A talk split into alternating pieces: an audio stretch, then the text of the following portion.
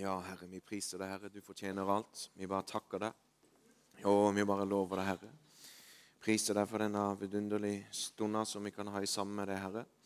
Jeg bare priser deg for at du er midt iblant oss allerede, Herre. Vi ærer deg, vi tilber deg, vi priser deg.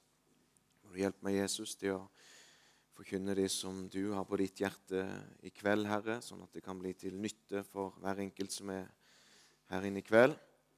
Vi bare ber om at du skal sende dine engler til å lage et fritt rom rundt oss og over oss, Herre, og at Den hellige ånds salvelse skal være her og hjelpe oss, Herre, til å motta det som du har for hver enkelt av oss. I Jesu navn.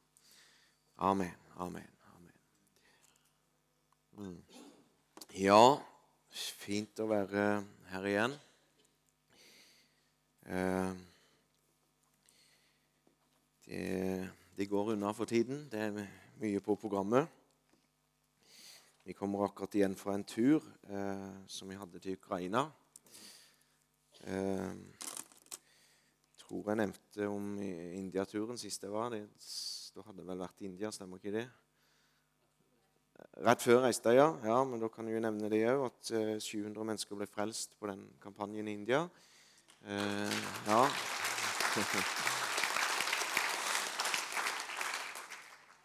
Halleluja. Jesus er bare så god. Han, eh, man kan ikke frelse, man kan ikke helbrede, men det kan Jesus. Veldig glad for det. Så Vi var i en eh, landsby, lurte oss inn som turister, da, så vi må, vi må liksom langt ut på landsbygda, så ikke noen skal rapportere oss. Og Der er alle happy for å få besøk. og Der var det 4000 mennesker i i landsbyen. Og siste kvelden så var det 4000 mennesker på møte, så jeg tror de fleste var på møte da. De, det var jo en del tilreisende òg, men uh, det var 60 uh, hinduister. Og uh, en del buddhister der, og noen katolikker, da. Så 700 ble frelst, og det var i grunnen mer mirakler eller vi er vant til. Det var veldig gjennombrudd når det gjaldt helbredelser. Eh, kveldene så hadde vi mange mange vitnesbyrd hver kveld på helbredelser. og Folk ble helbreda under fellesbønn og etterpå ved håndspåleggelse. Mye spennende som skjedde der.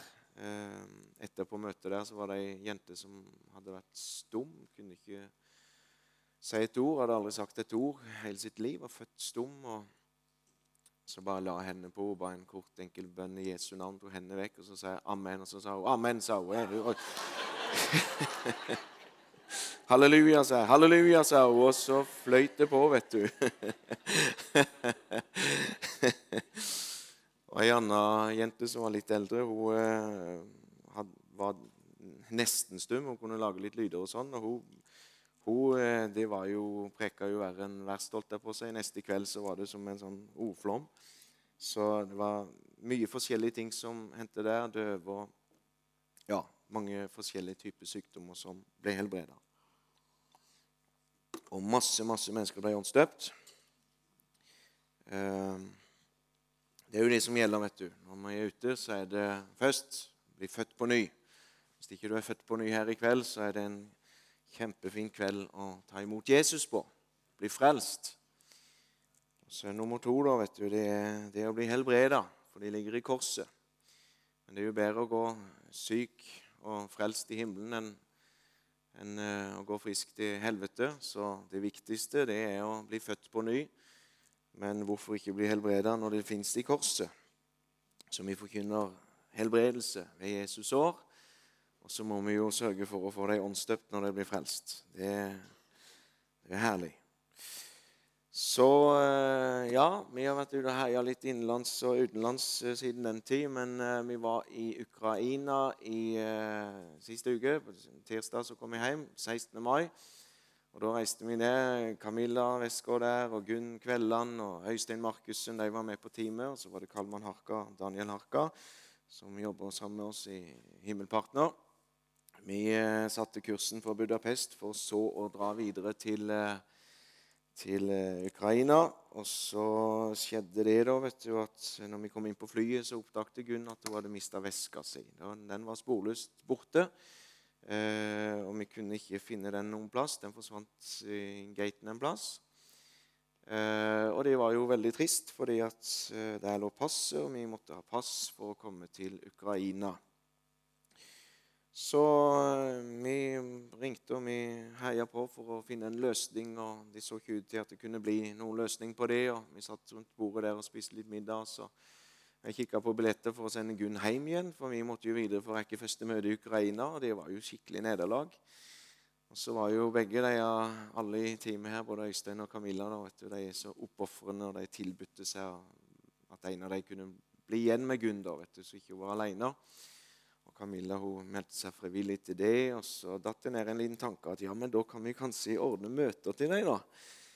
Så jeg ringte til Kalman, og han eh, en halvtime i telefon, intensiv eh, ringing, så hadde han lagt opp eh, tre møter for de noen skikkelig sånn der eh, sigøynermenigheter i Ungarn. Så vi skilte lag. Øystein og vi dro over grensa til Ukraina og heia på, mens Gunn og Camilla ble, ble igjen. Til sammen, da, som team, så ba vi til frelse med 73 mennesker siste uke. 62 i Ukraina, og så 11 stykker i Ungarn. Det, amen. Der var det en mann som uh, var døv, 100% døv på venstre øre og ble 100% helbreda på det riktige øret. Det var sterkt. Så jeg var veldig glad for at uh, veska til Gunn forsvant. Det er kanskje ikke hun, da, men uh, jeg vet ikke det, Hvis ikke den hadde forsvunnet, så hadde fortsatt elleve mennesker vært på vei til fortapelsen. Hadde ikke hørt evangeliet. Jeg vet ikke om jeg så det som et eh, djevelens angrep, men jeg vet ikke. Det kan godt være det var en engel som nappa den veska. Jeg vet ikke. Gud har, Guds veier er uransakelige, og av og til så planlegger han bedre enn de vi kan planlegge. Og eh, eh så står det i Romerne 8, 28 at eh, allting tjener til det gode for den som elsker Herren. Og den kontoen setter vi den der på, altså. Så det var veldig bra. Vi får bare se å få sendt deg ut så fort som mulig. Jeg har vært hjemme lenge nå. Jeg går vel og spinner. vi må bare få det ut igjen, vet du, så de kan jobbe litt. Eh, vi reiser jo i slutten av Nå skal jeg ha en møteuke i Kristiansand. Og så reiser vi til Ungarn og reiser opp teltet der. Har vi full bil med klær som vi skal ha ned og dele ut til de aller fattigste sigøynerne i det nettverket som jeg har begitt meg i nå de siste åra. Vi deler ut til pastorene, som tar det videre til de aller, aller fattigste i Ungarn, på grensa til Ukraina og inne i Ukraina etter planen. Så vi sender ned bilen nå. Alt er litt spennende, for vi, plutselig så mangler vi vognkort på hengeren, og så mangler sjåføren sånn kjevetøy i bilen, og så mangler vi noen tanker, så nå er det helt på tampen. Det er veldig veldig spennende å tjene Herren av og til. Men vi skal nå komme oss på hjul etter hvert. Yes, Da får vi gå til Guds ord her i kveld. Jeg har brukt opp et kvarter av talen min allerede, så vi får speede opp litt her. Det som eh, ligger på mitt hjerte, som eh, jeg kjenner at jeg har lyst til å dele i kveld, det er de som har med eh, ja, Guds ord. og Jeg tror bare vi kan begynne å lese hovedteksten for i kveld. Og Det står i Matteus kapittel 8. Og Der er det en beretning om en høvedsmann som eh, starter i vers 5 fram til 13. Jesus han kommer ned fra fjellet. Han har eh, predika bergprekenen for tusener. og På vei, ned fra, vei ned fra fjellet så helbreder han en spedalsk mann. Og så går vi rett inn i vers 5. Da han gikk inn i Kaper Kapernaum, kom en høvedsmann til ham, ba ham og sa:" Herre, min tjener ligger verkbrudden hjemme og har store smerter. Jesus sier til ham, Jeg skal komme og helbrede ham. Men høvedsmannen svarte og sa, Herre, jeg er ikke verdig til at du går inn under mitt tak, men si bare et ord, så blir gutten frisk. Og der har vi nøkkelverset for i kveld. Si bare et ord, så blir gutten frisk. Vi leser videre. For jeg er selv en mann som står under overordnede, og jeg har soldater under meg. Sier jeg til en av dem, gå, så går han, og til en annen, kom, så kommer han, og til min tjener, gjør dette, så gjør han det. Da Jesus hørte dette, undret han seg og sa til dem som fulgte ham, Sannelig sier jeg dere, ikke hos noen i Israel har jeg funnet så stor tro. Men det sier jeg dere, mange skal komme fra øst og vest og sitte til bords med Abraham, Isak og Jakob i himmelens rike. Men rikets barn skal kastes ut i mørket utenfor. Der skal de gråte og skjære tenner. Og Jesus sa til høvedsmannen, 'Gå hjem, det skal skje deg som du har trodd.' Og tjeneren ble helbredet i samme stund. Denne høvedsmannen var jo en hedning, han var en romer. Han eh, hadde ansvaret for 100 soldater. Og eh, det var, I en legion så var det mellom 4200 opp til 6000 soldater. Trolig så var det 6000 eh, vanligvis i en romersk legion. Og han hadde da ansvaret for 100 mann, denne romerske høvedsmannen. Og så sier han noe veldig interessant. Si bare et ord, sier denne soldaten eller befalet eller høvedsmannen. Si bare et ord, sier han. Og han hadde forstått seg på autoriteten i ordet. Eh, han opererte og handla ut fra å gi ordre, og så skjedde det som han ga ordre om. Og han eh, brukte de militærbegrepene eh, og overførte det på Jesus. For han visste at Jesus han har makt og myndighet, og Jesus ble veldig imponert. Fordi han, Jesus skjønner det, at denne mannen han har skjønt ganske vesentlige ting når det gjelder det eh, med autoritet eh, å gjøre. Eh, Jesus Kristus er i går og i dag den samme til evig tid. Hebreerne kapittel 13 vers 8. Så Jesus han er den som er, han var, og han er den som kommer. Jesus har alltid vært til stede og Vi skal bare gå en liten runde på hvem Jesus egentlig er. I Johannes kapittel 1 og vers 1-3 I begynnelsen var Ordet, og Ordet var hos Gud, og Ordet var Gud. Han var i begynnelsen hos Gud. Alt er blitt til ved ham, og uten ham og uten ham er ikke noe blitt til av alt som er blitt til. Så Jesus han var Ordet, og Bibelen sier jo klart og tydelig i bl.a. Johannes' åpenbaring kapittel 1 vers 18 at han er den som er, og som var, og som kommer. og Hebreerne 13,8 sier at han er i går og i dag den samme til evig tid. Så Jesus han ble ikke født når han ble født på denne jord, men han er blant eh, den guddommelige treenigheten sammen med sin Fader. Han var før alle ting ble skapt. I Kolosserne, som er et kolossalt brev, så står det beskrevet hvem Jesus er.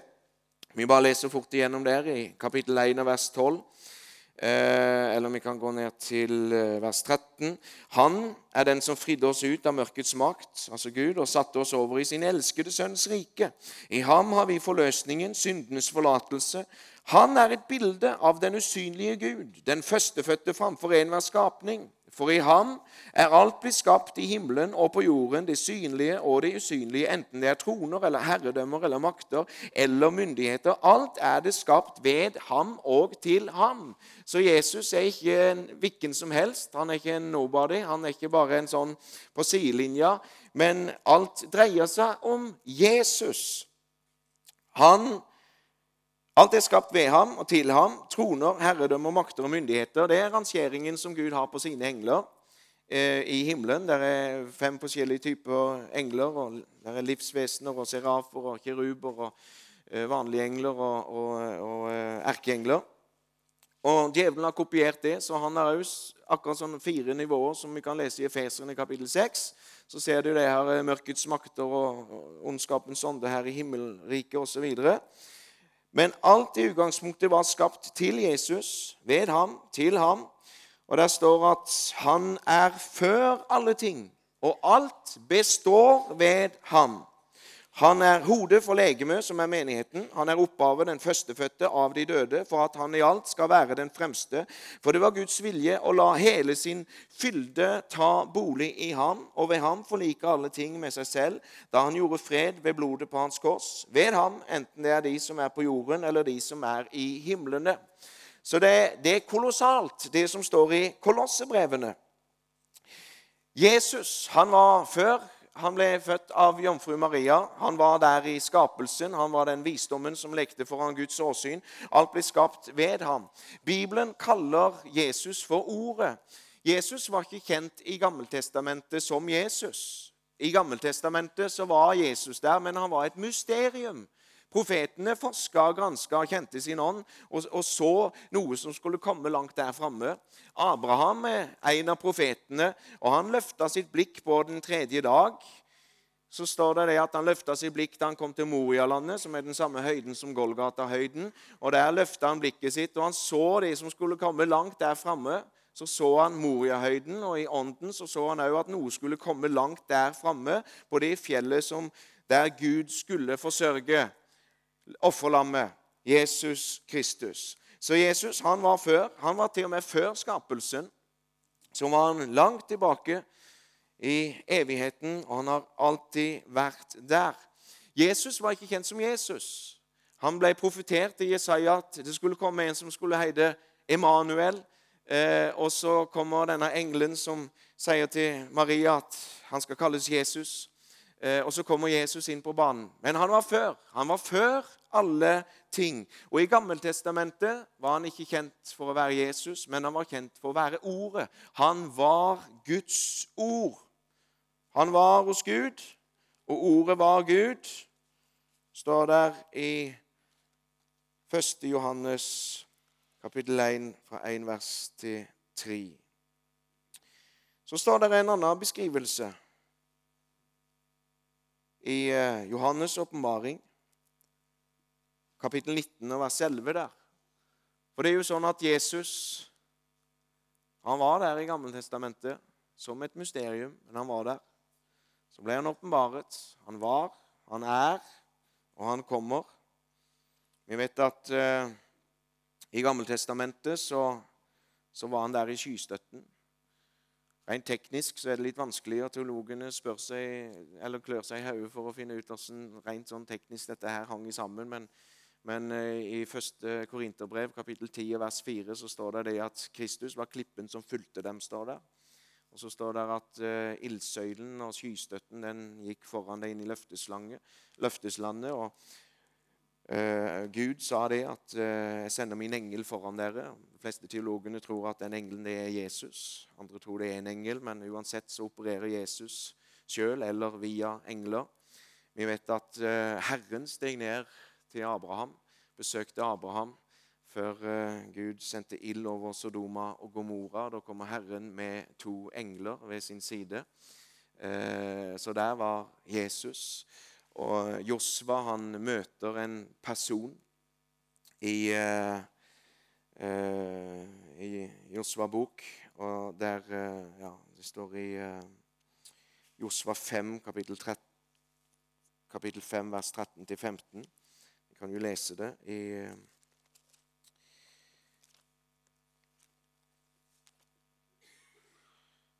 vers 13. Mens Josva var ved Jeriko hendte det en gang at han så og fikk øye på en mann som sto foran ham med en løftet sverd i hånden. Josva gikk bort til ham og sa, 'Er du for oss, eller er du med våre fiender?' Han svarte, 'Nei, jeg er høvdingen over Herrens hær. Nå er jeg kommet.' Da falt Josva på sitt ansikt i jorden og tilba og sa til ham, 'Hva har min herre å si til sin tjener?' Og høvdingen over Herrens hær sa til Josva, 'Dra skoen av din fot, for det sted du står på, er hellig.' Og Josva gjorde så. De fleste teologer tror at det er Jesus.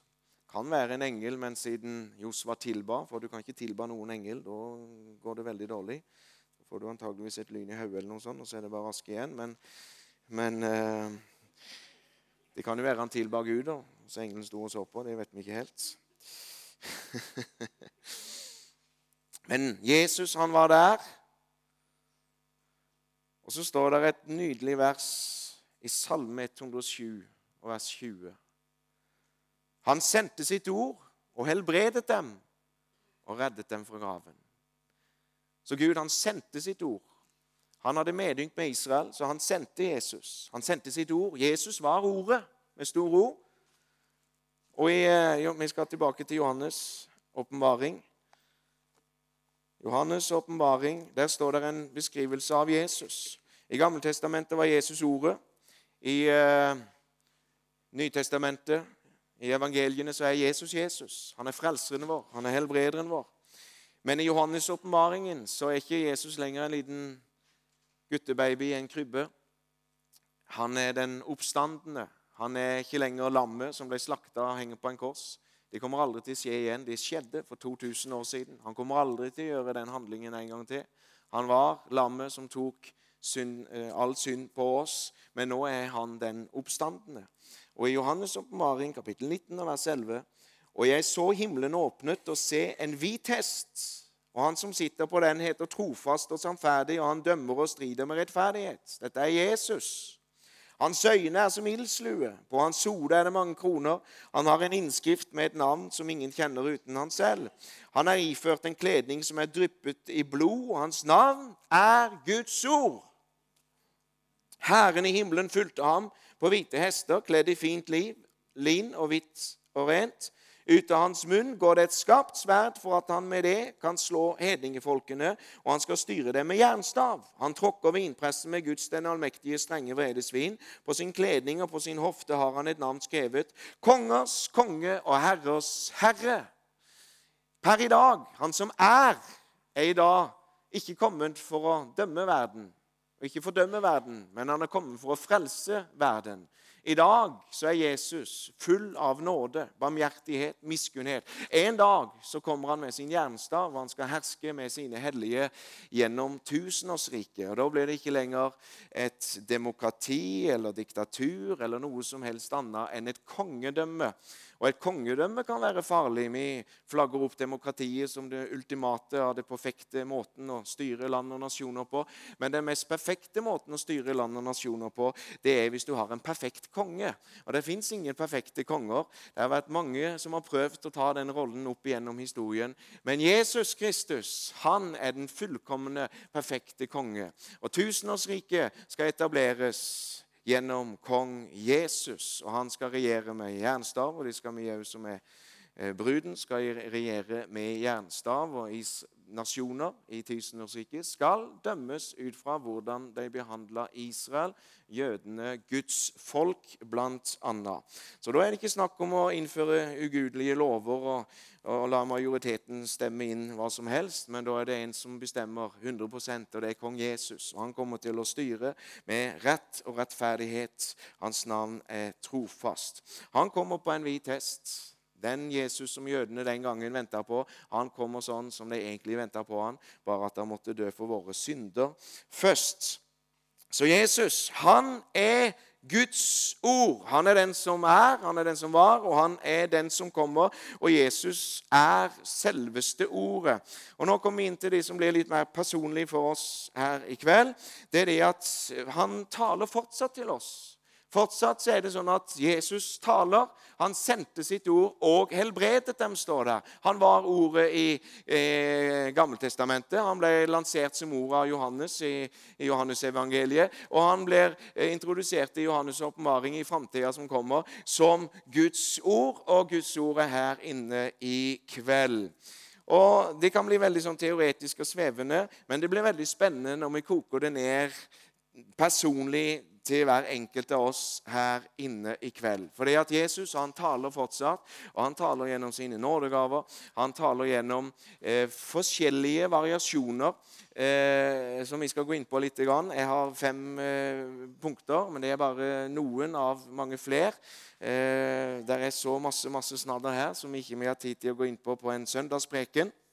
Men eh, eh, Du vet at Jesus han taler, og han taler i kveld. Det er det som er spennende. Halleluja. Og Rent praktisk så må vi gi Jesus en sjanse til å kunne tale. Det går jo an å, å holde seg for ørene og si nei, nei, nei. nei, Det går an å gjøre seg utilgjengelig for Guds tiltale inn i vårt liv. Det er mange mennesker som gjør det. Mange ufrelste. Og mange av oss kristne òg som, som, som, eh, som, vil ikke høre på det som Gud har å si, fordi at våre tanker er så små, våre veier er så eh, små, men hans tanker er mye høyere enn våre tanker. Hans veier er mye høyere enn eh, våre veier og tanker. Så alt det Gud gjør, det er stort. og Derfor så har vi litt vanskelig med å, å ta til oss det som Gud taler. For alt det Gud taler om, det er stort. Jesus han var ikke snaure, for han sa til disiplene Gå ut og vekk opp de døde, og rensk spedalsk og helbred de syke, sa han. Det var ikke småtterier for en, for en kommando han ga til disiplene sine. Så Jesus har òg veldig store ord, og alt det Gud taler, det er veldig stort. Det som Jesus alltid har bevist gjennom sin jordiske vandring, det er det at han elsker å helbrede mennesker. Han bare elsker det. Du kan ikke skille Jesus fra helbredelse. Eh, snakker vi om Jesus, så snakker vi om mirakler. Vi snakker om overnaturlig, guddommelig inngripen i menneskers liv. Og Jesus han er jo den samme som han var den gangen. Han er den samme i dag. Han den, kommer til å være den samme i all evighet. Så han elsker fortsatt å helbrede. Nå når han sitter på Faderens trone, så sendte han talsmannen. Og en av hans yndlingsaktiviteter, det som Jesus elsker aller mest å gjøre, det er å helbrede syke mennesker. Så nå skal vi bare legge det veldig praktisk an i kveld. Eh, til å gi Jesus den muligheten til å helbrede noen her i kveld. Eh, Sist gang så, så, hadde jeg en liten sånn input fra Den hellige ånd at kanskje noen hadde vondt i nakken. Og så kom det fram en hel rad her sånn. Nå fikk jeg tre positive tilbakemeldinger, at, at det var tre helbredelser. Og så, så, kan man si det sånn at sier du til flua som ser utover et jorde, hva ser du for noe? Jeg ser bare dritt, sier flua. Sier du, sier du samme til bia, da? Hva ser du for noe? Sier du til, til bien? Jeg ser bare blomster, sier bien. Problemet, nei, eller det er jo liksom Er du flue, eller er du bie? ikke sant? Hva, hva ser du? Og man, Noen går i kjelleren. Her sto det helt rart, og bare tre stykker ble helbreda. Det var dårlig resultat, liksom. Men hvis ikke vi hadde gjort det, da, så var det tre stykker som fortsatt hadde hatt vondt i nakken. og tre stykker er jo bedre enn ingen. Så der ga vi Gud en mulighet til å slå ned med sin kraft. Johannes han bana veien for Jesus, sånn at Jesus skulle komme på banen.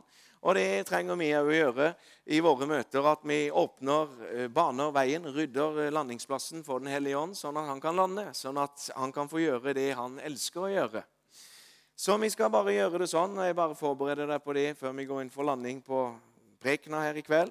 Det er det at eh, Gud kommer til å tale gjennom kunnskapsord. Nå har jeg ikke fått så mye kunnskapsord sjøl, men jeg tror at i løpet av de minuttene vi har igjen, av møtet, så tror jeg at Herren vil gi flere personer i salen her et spesifikt kunnskapsord om en sykdom. Nå blir det skummelt. Nå er du ikke lenger tilskuer på bakerste benk. Nå er du tratt fram i rekken av Herrens hær her, vet du. Halleluja.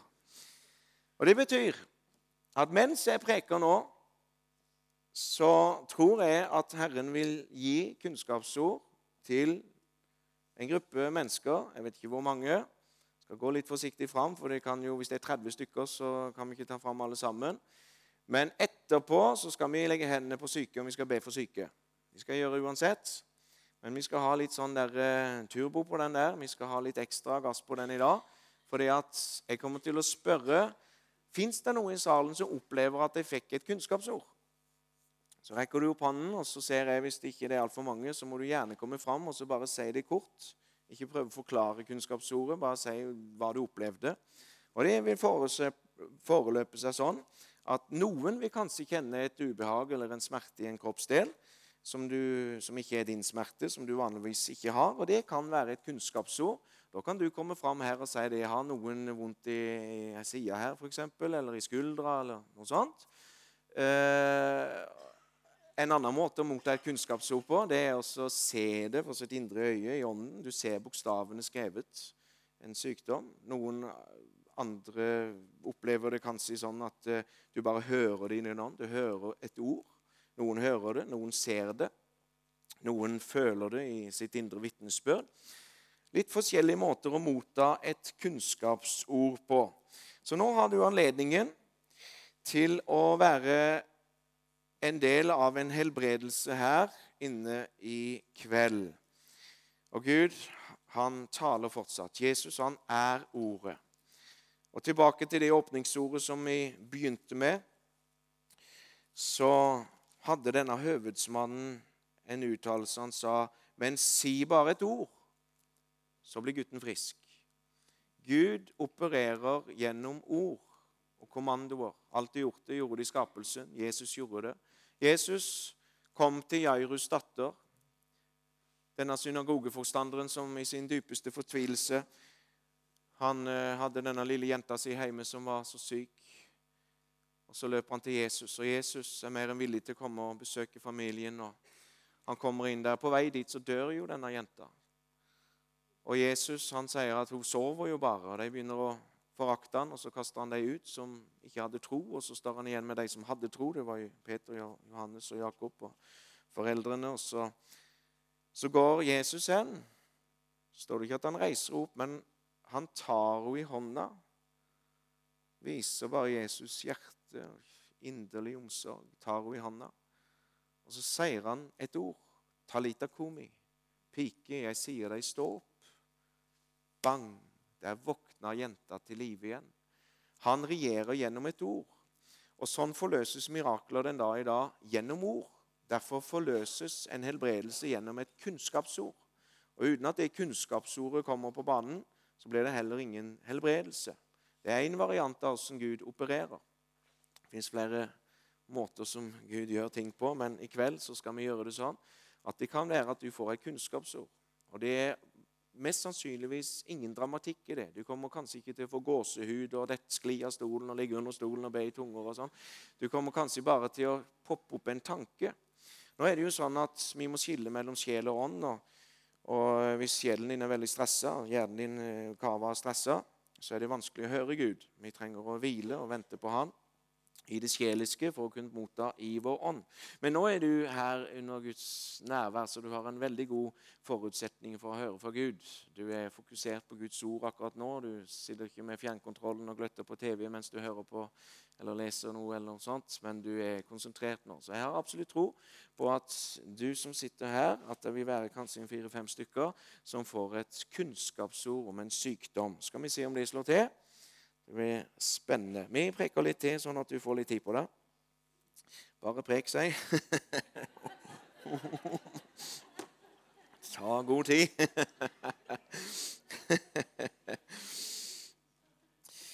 Men du vet at Jesus han taler fortsatt. Han er Guds ord.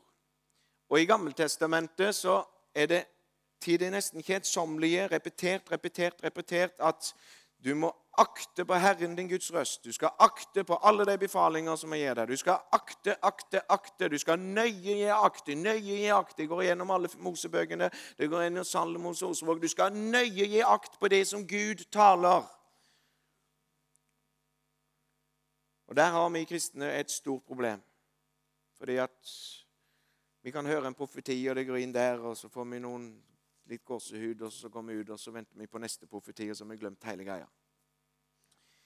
Men den som nøyakter på Guds ord det Kommer det en profetisk tale i en forsamling, så bør noen skrive det ned. Ta det med i bønn. Ta det med i ledelsen. Er dette for Gud? Bedømme det. Er det ikke for Gud, så vekk med det. Hold fast på det gode. Men er dette Gud, så holder vi på det. Her har vi Guds ord. Og Der har du kraften, der har du styrken, der har du autoriteten, der har du gjennomslagskraften på Guds ord. Og Mange ganger i vårt liv så taler Gud, og så handler vi ikke på det. Vi, nøy, vi akter ikke nøye på Guds ord. Noen som f.eks. lever i samboerskap og kjenner at Gud taler at jeg skal gifte meg, og sånn, og så, men så bare gjør det det ikke. liksom. Men Gud har talt. Blir det velsignelse? Nei, det blir et elende av en annen verden med masse psykiske belastninger og, og, forferdelige ting som man må gå og bære på sine egne skuldre. Men hadde man akta på Guds ord, så hadde det blitt forløsning. Det hadde blitt gjennombrudd. Og Gud har talt så veldig mange ganger. Noen ganger så taler Gud gjennom drømmer. Eh, det mest vanlige måten som Gud taler på, det er gjennom det indre vitnesbyrdet. Det betyr at eh, den ånd som du har her, den vet ting. For Den hellige ånd fins i din ånd, den, din gjenfødte ånd. Den vet ting. Eh, det er mennesker som har vitnesbyrd om at de har vært i himmelen, og så ser de en person i himmelen. Og så bare vet de Ingen har sagt det, men det var David, kong David som kom gående der. Jeg bare vet det. I en drøm så, så jeg engelen Mikael. Det var ingen som sa til meg eh, eller noe som helst tegn på, som skulle tyde på at det var engelen Mikael, men min ånd visste at det der er engelen Mikael. Din ånd bare vet ting, og der kommer ofte et kunnskapsord inn. Hvile er noe av det sterkeste våpen vi har mot Satan. For fienden vår, han vil at vi skal være desillusjonerte, at vi skal være trøtte, slitne, nede på telling. For da er vi et lett bytte for fienden. Det verste djevelen vet, det er at du er uthvilt, opplagt, fit for fight at du har ikke masse bekymringer i din sjel. Men når sjelen kommer til hvile, så er det veldig lett å høre fra Gud. Så mennesker som har psykiske lidelser og problemer, har veldig vanskelig for å høre fra Gud. Jeg tror de hører fra Gud, men det er bare en kvern av de sjeliske som kverner for at sjelen roper så høyt. Og så er det veldig vanskelig å skille. og Sånn er det for oss alle sammen. At, at hvis sjelen roper for høyt, og i pressa situasjoner, så den sier det, og den sier det, så er det masse røster. Da kan det være vanskelig å høre fra Gud fordi at sjelen ikke falt i ro.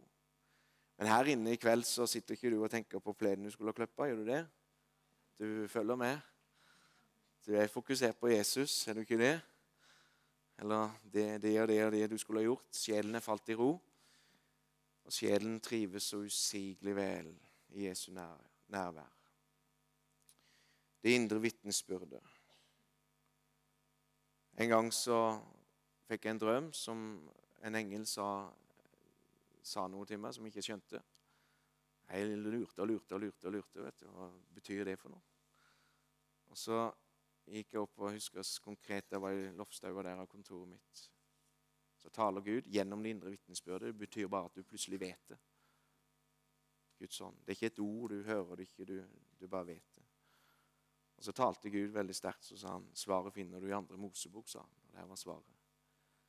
Og Det er herlig når du kan være stille for Herren, og her er ofte et rom som er fullada med Guds nærvær, sånn at man kan være der i stillheten, sånn at man kan høre fra Gud.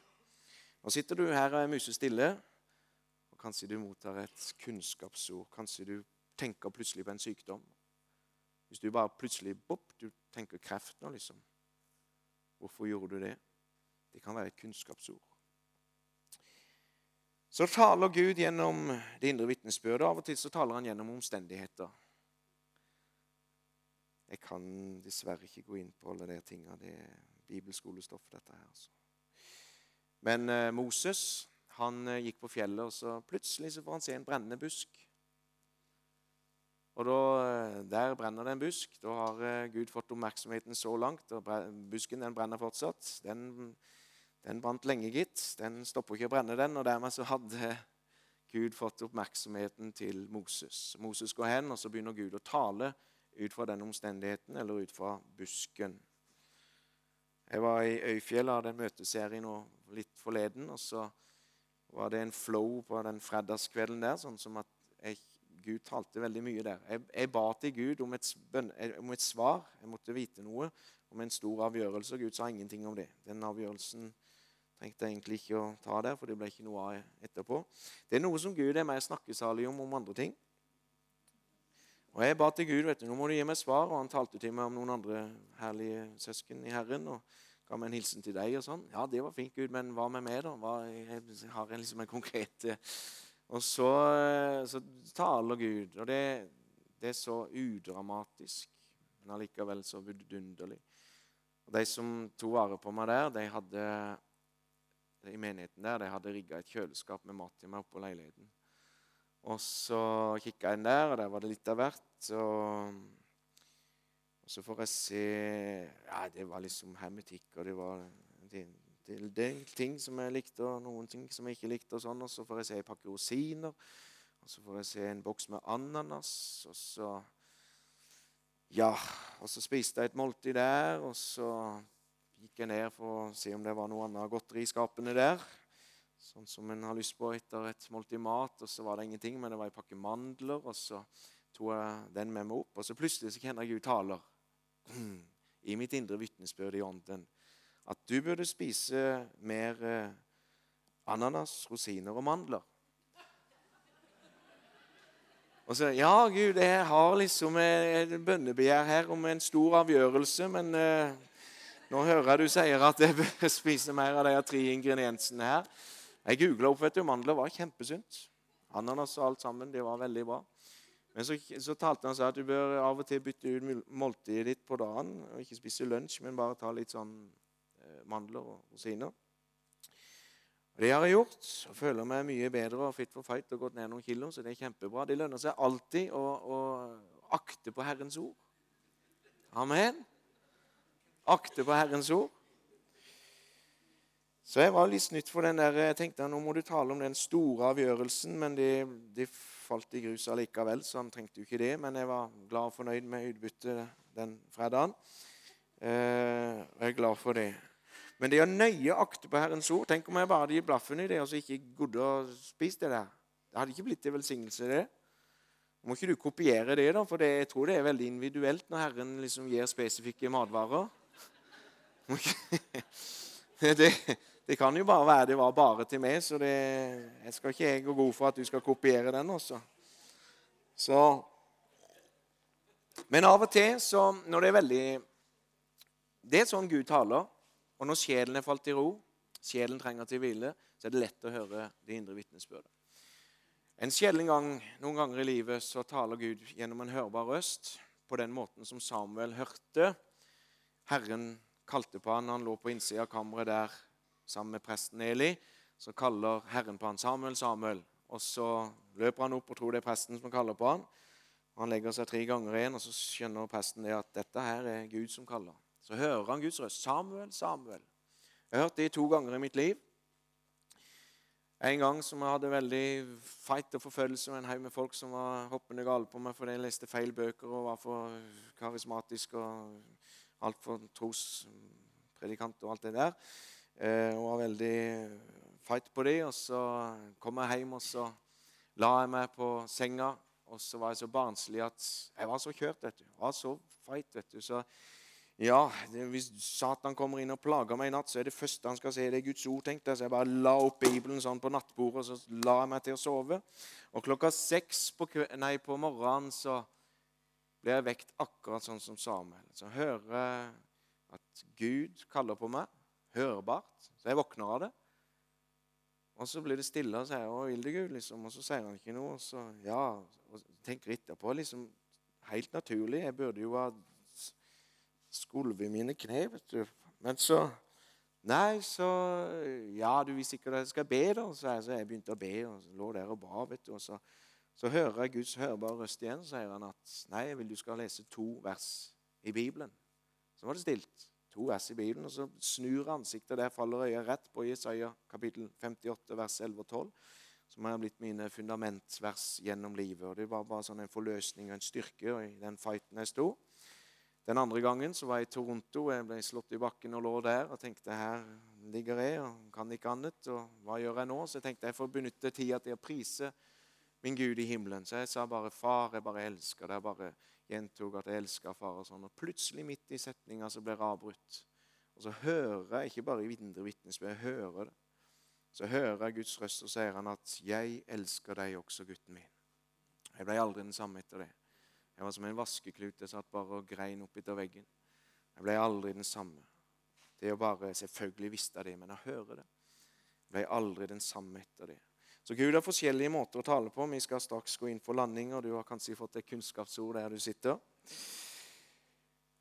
Det indre vitnesbyrdet, omstendigheter, den hørbare røsten som du av og til kan høre.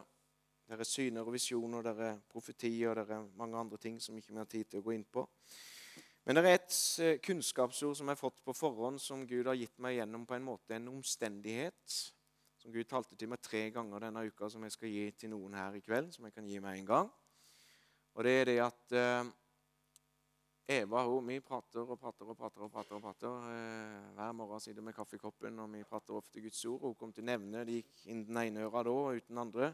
Eller, ja.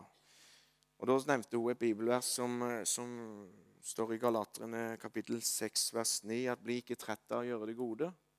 Ja, ja, det var fint Og sånn. Og så sitter jeg og gjør kontorarbeid, og så sitter jeg og hører på en amerikansk kristen radio.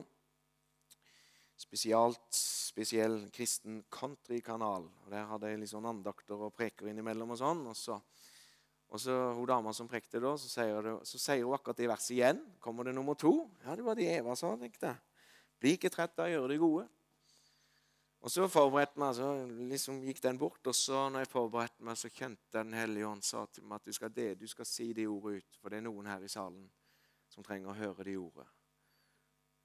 Som kanskje har gjort en kjempeinnsats over lengre tid, og som eh, ikke har blitt sett og i grunnen æra og respektert av mennesker sånn som innsatsen din tilsier.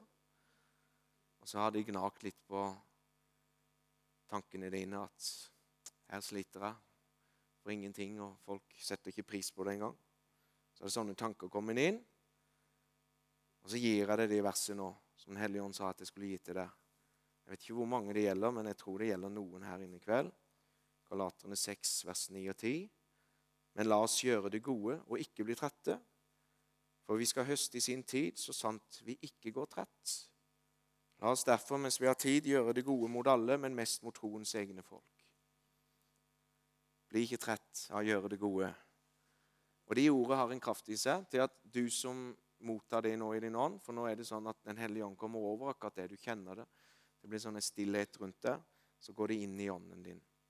Noen tenker at eh, noen går det bare inn den ene øra uten andre. og de får noe liksom. Men noen bare kjenner at de, de søkker inn i ånden din. Og de ordene har en kraft som kommer til å gi deg en guddommelig energi til å bare gå på og doble innsatsen i hva enn du holder på med i din tjeneste. De ordene har en kraft. Så fra i kveld av så kommer du til å kjenne en styrke til å bare gyve på med fornya kraft og energi. Jesus han er Guds ord. Si bare et ord, så blir gutten frisk. Si bare et ord. Så skal vi avslutte helt til sist med de som jeg ikke har tid til å gå så mye inn på det, men det er de som har med drømmer å gjøre.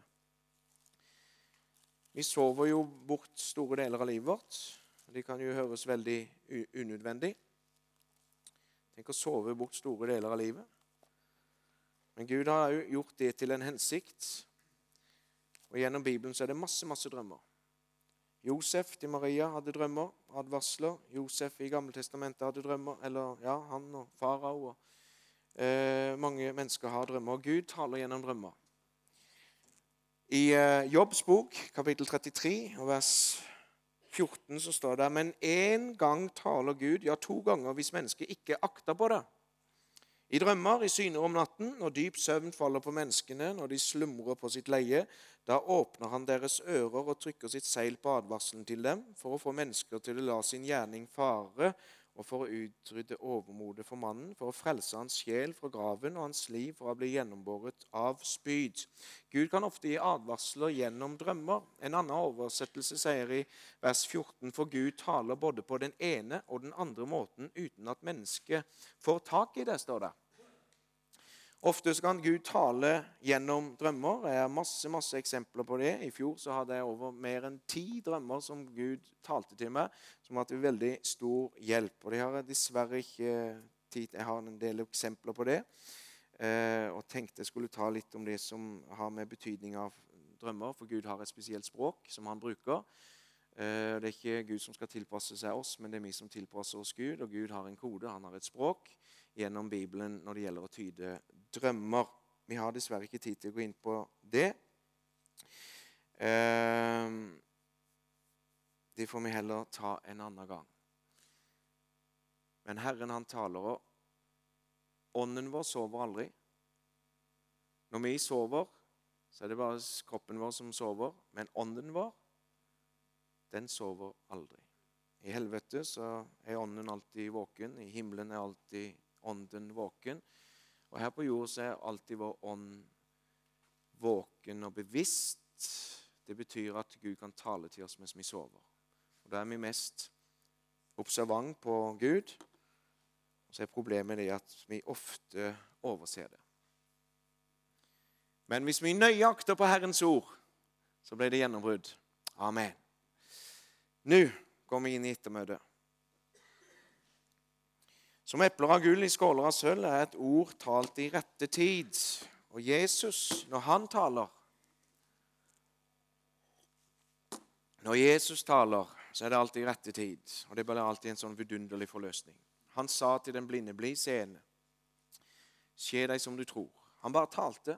Han bare blød, bød, og det ble sånn. Han gjorde det i skapelsen, han gjorde det når han helbreda mennesker her på jord. Han kommer alltid til å operere sånn. Han bare talte. Og nå så bruker Den hellige ånd vår munn til å tale. Nå skal vi be for syke. Tenk at Jesus, han elsker oss så. At han ser til det minste. Tenk at han talte til meg om kostholdet mitt. Tenk på det. Jeg tror at her inne i kveld så er det kanskje mennesker som sliter med visse ting når det gjelder helsa klarer bare ikke å gjennomføre visse grep når det gjelder helsa di. Og så bare kjenner jeg min ånd at Jesus han skal hjelpe deg å gjennomføre. Han skal hjelpe deg å ta tak i det. For Det hender jo det kommer mennesker til meg og så ja, Kan du be for meg? Jeg har dårlig hjerte og jeg har astma. Du kjenner liksom de sirkler i pusten deres, vet du, og røykånden står imot deg. vet du. Og Da får du ikke lyst til å be for deg. vet du. Nei, men kjære tid, Har du astma, vet du, og så røyker du det, det, Slutt å røyke nå, og så skal jeg be for deg etterpå. Liksom. Det, det litt, hvis du veier 200 kg og har vondt i knærne ikke sant? Og Ja, vi tror på mirakler, men det går an å leve i helse. Ha en velsigna helse. Og det fins en vei dit. Av og til så kan det være gjennom en mirakel. Av og til så er det gjennom sunn fornuft. Og jeg tror at Når Gud talte til meg å spise litt mer mandler, så tror jeg at han visste at jeg trengte de ingrediensene og vitaminene som fins i mandler. Gjelder ikke kopier det, for å si det sånn. Det vet ikke hva du trenger til. Men Gud visste hva jeg trengte til. Tenk at han hadde omsorg for det. Skulle ikke han ha omsorg for du som sitter her inne i kveld? Om det bare er en liten hodeverk, eller om du har en alvorlig, dødelig sykdom. Skulle ikke han ha omsorg for det? Sånn er bare Jesus. Og blir vi kjent med Jesus, høvedsmannens kode det var det at Jesus sier bare et ord. Og Jesus ble så glad han ble så imponert at du har skjønt det, du. Og så skjedde det etter hans tro. I kveld, hvis du får et ord i kveld, så må du ta det som ditt. Holde det her. Prise Jesus for det. For det er de som bærer igjennom. Er det noen her som kjenner at Nå kan du rekke opp din hånd i første omgang. Kjenner du at du har fått et kunnskapsord? To, Tre personer? Fire? Fem? Seks? Ja, så bra. Sju?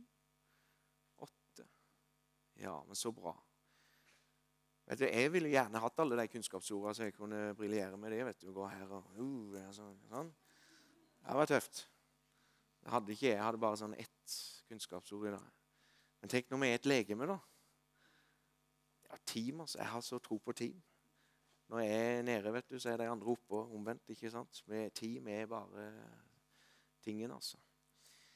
Dere som, eh, Hvis dere har guts til å tørre å ha mot til å komme fram, kan ikke vi eh, høre hva som dukker opp? Nå er, det, nå er dere blant, vi er alle sammen blant venner. Kommer dere bare fram, og så kan dere stille dere her, og så bare sier du ordet sånn fort. hva du har fått. Så skal vi gjøre det sånn at skal, hvis det er noen her som gir respons, så kommer du bare fram. Og så gjerne du som har kunnskapsordet, hvis du kan legge hendene på vedkommende og be. Så er vi flere ute å be her. Så fins det en helbredende kraft i de ordene. De kommer til å hjelpe troen din, sånn at du får, eh, kan motta helbredelsen din. Um, ikke vær redd for å feile. Dere er blant venner. Av og til er det noen som du sier et ord, så tør det ikke komme fram, de som er i salen. Og så tenker du, å, jeg bomma, eller noe sånt. Men ofte så er det det at kanskje noen ikke tør å komme fram. Og hvis du bommer, så so what? Jesus elsker det vi gjør nå. Han bare elsker det.